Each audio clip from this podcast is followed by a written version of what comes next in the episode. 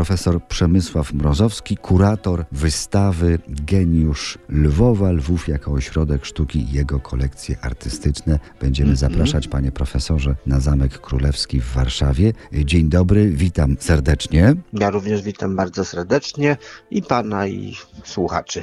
Będziemy gadać sporo, chociaż w piosence było, że szkoda gadania, bo co chcesz to mów, nie ma jak Lwów prawda? Przedwojenny szlagier to tak. wszystko głosił, głosił geniusz Lwowa właściwie, o którym można sporo gadać, także gdy chodzi o sztuki piękne. Państwo pokazujecie skarby dawnej stolicy Galicji, malarstwo, rzeźbę, począwszy od XVII wieku aż po wiek XX, dzieła mistrzów tej miary co Matejko, Siemiracki, Grodger, Malczewski, ale także nieco mniej znane perły zachodnioeuropejskiej sztuki. Tak, to prawda. Y, być może y, tutaj y, jest jakiś element, powiedzmy, kontrowersyjny, to znaczy pierwszoplanowe nazwiska, ale które wymagają jednak rzetelnej weryfikacji, bo te atrybucje pierwszoplanowych nazwisk pochodzą no, jeszcze z czasów zakupów tych dzieł do kolekcji arystokratów pomieszkujących w Lwowie, ale mających swoje rezydencje w okolicy Lwowa czy większej, mniejszej okolicy, które mm, potem były zgromadzone w muzeach lwowskich. I te atrybucje no, antykwaryczne, sam pan wie jak to wygląda. Dzisiaj nic się nie zmieniło. Sprzedającemu zależy, żeby sprzedać za jak najlepszą cenę, kupującemu zależy, żeby zyskać wybitne dzieło za mm, możliwie, możliwie korzystną sumę środków finansowych. No to bywało takim polem pewnej konfrontacji czy pewnych pomyłek, bo, bo XIX wiek, kiedy to masowe kolekcjonerstwo arystokracji galicyjskiej, nazwijmy to, y, się naprawdę na dużą skalę rozpoczęło, to już nie był czas na to, żeby, żeby kupować do swoich galerii takich mistrzów z pierwszej dziesiątki, czy nawet z pierwszej tak pięćdziesiątki, prawda? Rafaela wszyscy szukali, wszyscy chcieli mieć Rafaela, ale Rafael namalował tyle, ile było i to, co było, to już było rozdysponowane, nazwijmy to w XVI-XVII wieku najpóźniej.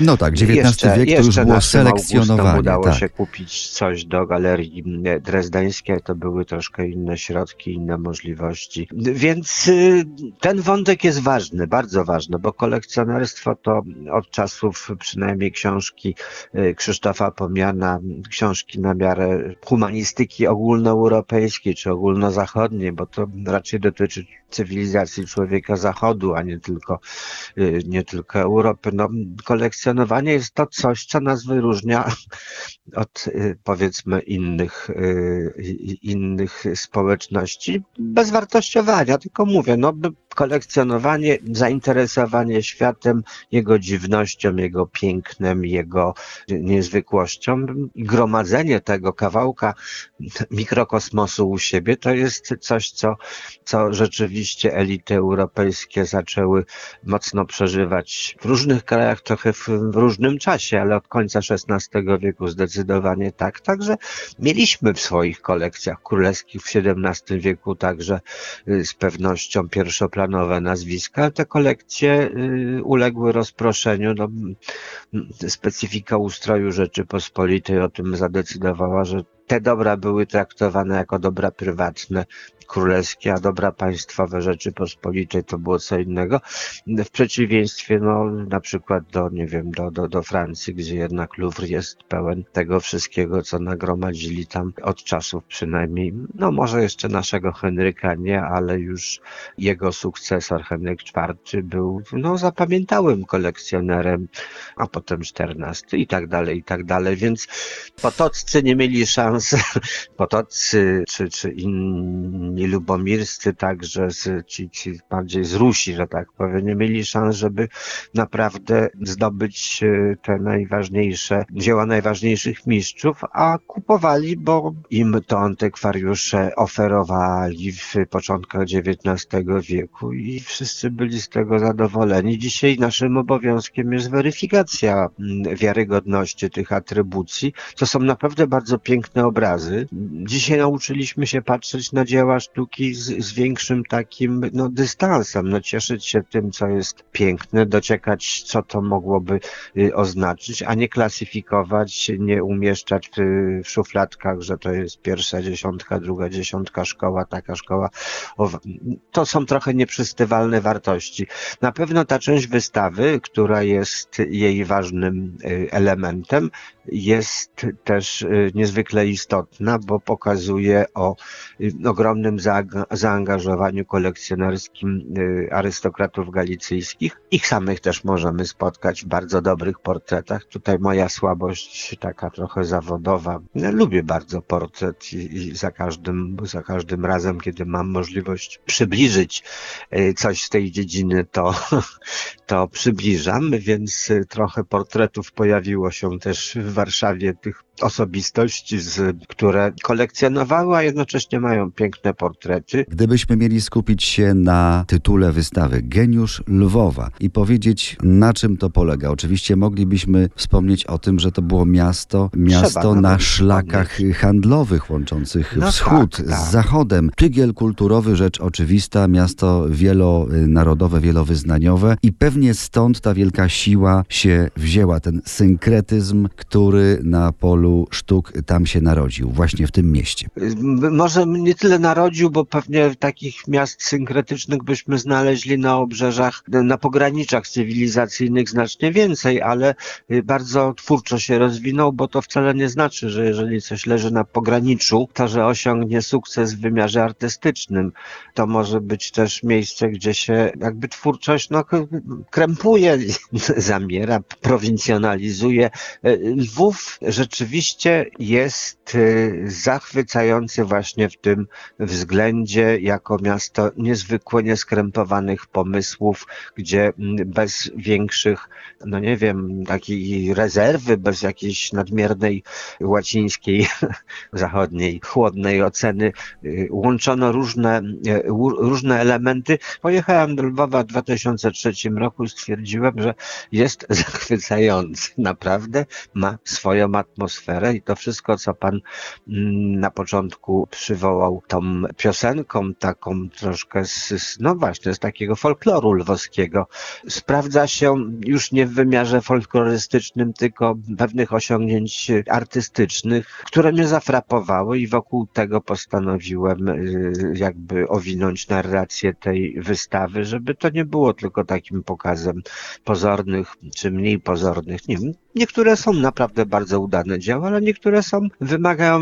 rzetelnej dyskusji. E, rzeczywiście wspomnieliśmy już o tych kolekcjach arystokratycznych, rzewuskich, osolińskich, lubomirskich, lanskorońskich, prawda? Ważnym tak. elementem na tej wystawie na pewno są dzieła z doby manieryzmu czy rokoka, szczególnie te rokokowe rzeźby kipiące ekspresją, prawda, lwowskie, tak. ale także jeżeli pan już przywołał, a ja na początku, międzywojenną piosenkę Nima jak lwów, to rzeczywiście należałoby jeszcze wspomnieć ten wątek zbiorów zgromadzonych przed wybuchem II wojny światowej przez lwowskie publiczne instytucje, przede wszystkim przez Lwowską Galerię Miejską, która no, zyskała miano Narodowej Galerii Miasta Lwowa. Tak, I tak tutaj też jest to tak bardzo, bardzo mocny punkt tej wystawy również, prawda?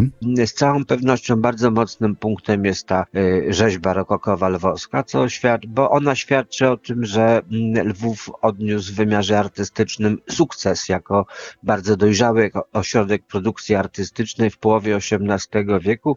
Jest to zachwycające, zdumiewające i odbiegające od kanonów, których wszyscy starali się mm, wtedy przestrzegać, zwłaszcza w takich powiedzmy ośrodkach prowincjonalnych, to znaczy wszyscy się patrzyli na Paryż, na Wiedeń czy na e, inne ważne ośrodki. Alwowianie, alwowianie podchodzili do materii rzeźbiarskiej naprawdę w sposób niezwykły, ale przechodzimy do XIX wieku. To jest XIX-XX wieku.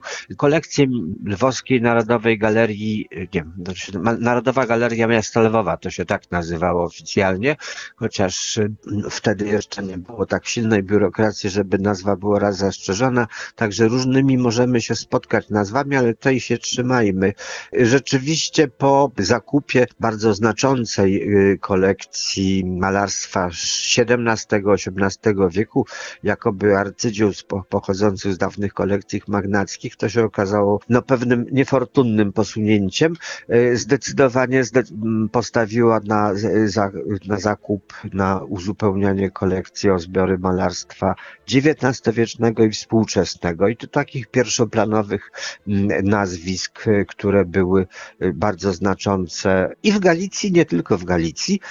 Dzięki temu, prawdę powiedziawszy, żadna poważna wystawa w Polsce malarstwa młodej Polski czy malarstwa drugiej połowy XIX wieku bez zbiorów lwowskich no nie może się odbyć. Tam są najważniejsze nazwiska, nie chcę powiedzieć najważniejsze obrazy, bo zresztą w ogóle unikamy dzisiaj y, chyba takich klasyfikacji, że to jest ważne, to jest mniej ważne.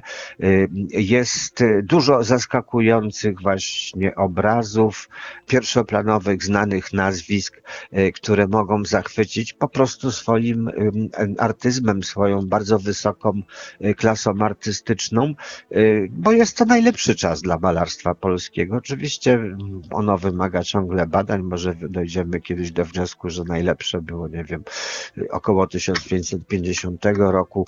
Najlepsze w tym znaczeniu, że takie najbardziej, powiedzmy sobie, e, europejskie, spełniające normy, takie jakie stawiano malarzom w innych ważnych centrach artystycznych Europy. Ale w ogóle odchodzimy od klasyfikowania, mamy prawo cieszyć się tym, co oglądamy i ta druga, znaczy tak naprawdę to jest cała połowa wystawy, to jest właśnie to malarstwo XIX i pierwszych dekad XX wieku jest Y, chyba takim fragmentem, który o niczym nie, nie musi przekonywać, tylko pozwala y, naprawdę cieszyć się obcowaniem z wybitnymi dziełami pierwszoplanowych artystów, ale też pojawiają się, pojawiają się y, takie obrazy, które mnie w trakcie dokonywania kwerendy, ona była dwukrotnie robiona, bo jeszcze w 2014 roku już był taki, jak tylko Rosjanie zaatakowali Krym, był taki pomysł, żeby no, mówiąc wprost, ewakuować część zbiorów lwowskich w bardziej bezpieczne rejony i przy tej okazji zaprezentować się szerszej polskiej publiczności. E, więc pan Augustynowicz, jego dwie urocze córki, uroczy, zniewalający wręcz e, portret jego córek, które no, no tu się znalazły dlatego, że, że są bardzo wybitnym w moim przekonaniu dziełem, dziełem właśnie malarstwa typowego dla, dla swojej epoki wprawdzie, ale nie nowatorskiego, nie, nie, nie rewolucyjnego, ale oddającego coś, no właśnie, coś z tej atmosfery, którą tak chwalili sobie lwowianie w swoich, no nie tylko tej jednej piosence, prawda? Byli zakochani w swoim mieście i, i ja im wierzę, że mieli do tego prawo, bo, bo miasto było rzeczywiście no jest to takie połączenie, pan jest z Krakowa, prawda, więc Kraków tak, ale mm, z całą pewnością w tej części swojej y, starej jest y, nasycony du dużo bardziej wybitnymi zabytkami architektury, rzeźby czy malarstwa, może tam mniej widać, prawda. Natomiast y, Lwów jeszcze ma XIX wiek, bardzo mocny, bardzo, to była stolica Galicji, to się, to się odcisnęło na tym mieście, jest bardziej porównywalne porównywalny z Wiedniem, ale Wiedeń jest nudny, przepraszam, jeśli jakieś korzenie austriackie, czy tam... Tak spokojnie możemy mówić, tak. Wiedeń jest trochę nudny w swojej pompatycznej cesarskości, a Lwów jest y, nieokiełznany i to jest, to jest piękne. Tak jest. Dzieła dawne, ale także te sprzed niecałych stu lat. Podkreślmy największy znajdujący się na stałe poza Polską zbiór malarstwa polskiego z y, przełomu XIX i z XX wieku z dziełami Grodgera, Malczewskiego, Matejki, Siemirackiego. Na tej właśnie warszawskiej wystawie można podziwiać geniusz Lwowa, Lwów jako ośrodek sztuki i jego kolekcje artystyczne do 3 marca jeszcze, przypomnijmy. Bardzo dziękuję tak panie profesorze, kurator Przemysław Mrozowski do Biblioteki Królewskiej. Na tę wystawę zapraszamy do Zamku Królewskiego w Warszawie. Bardzo dziękuję za rozmowę. Dziękuję bardzo również.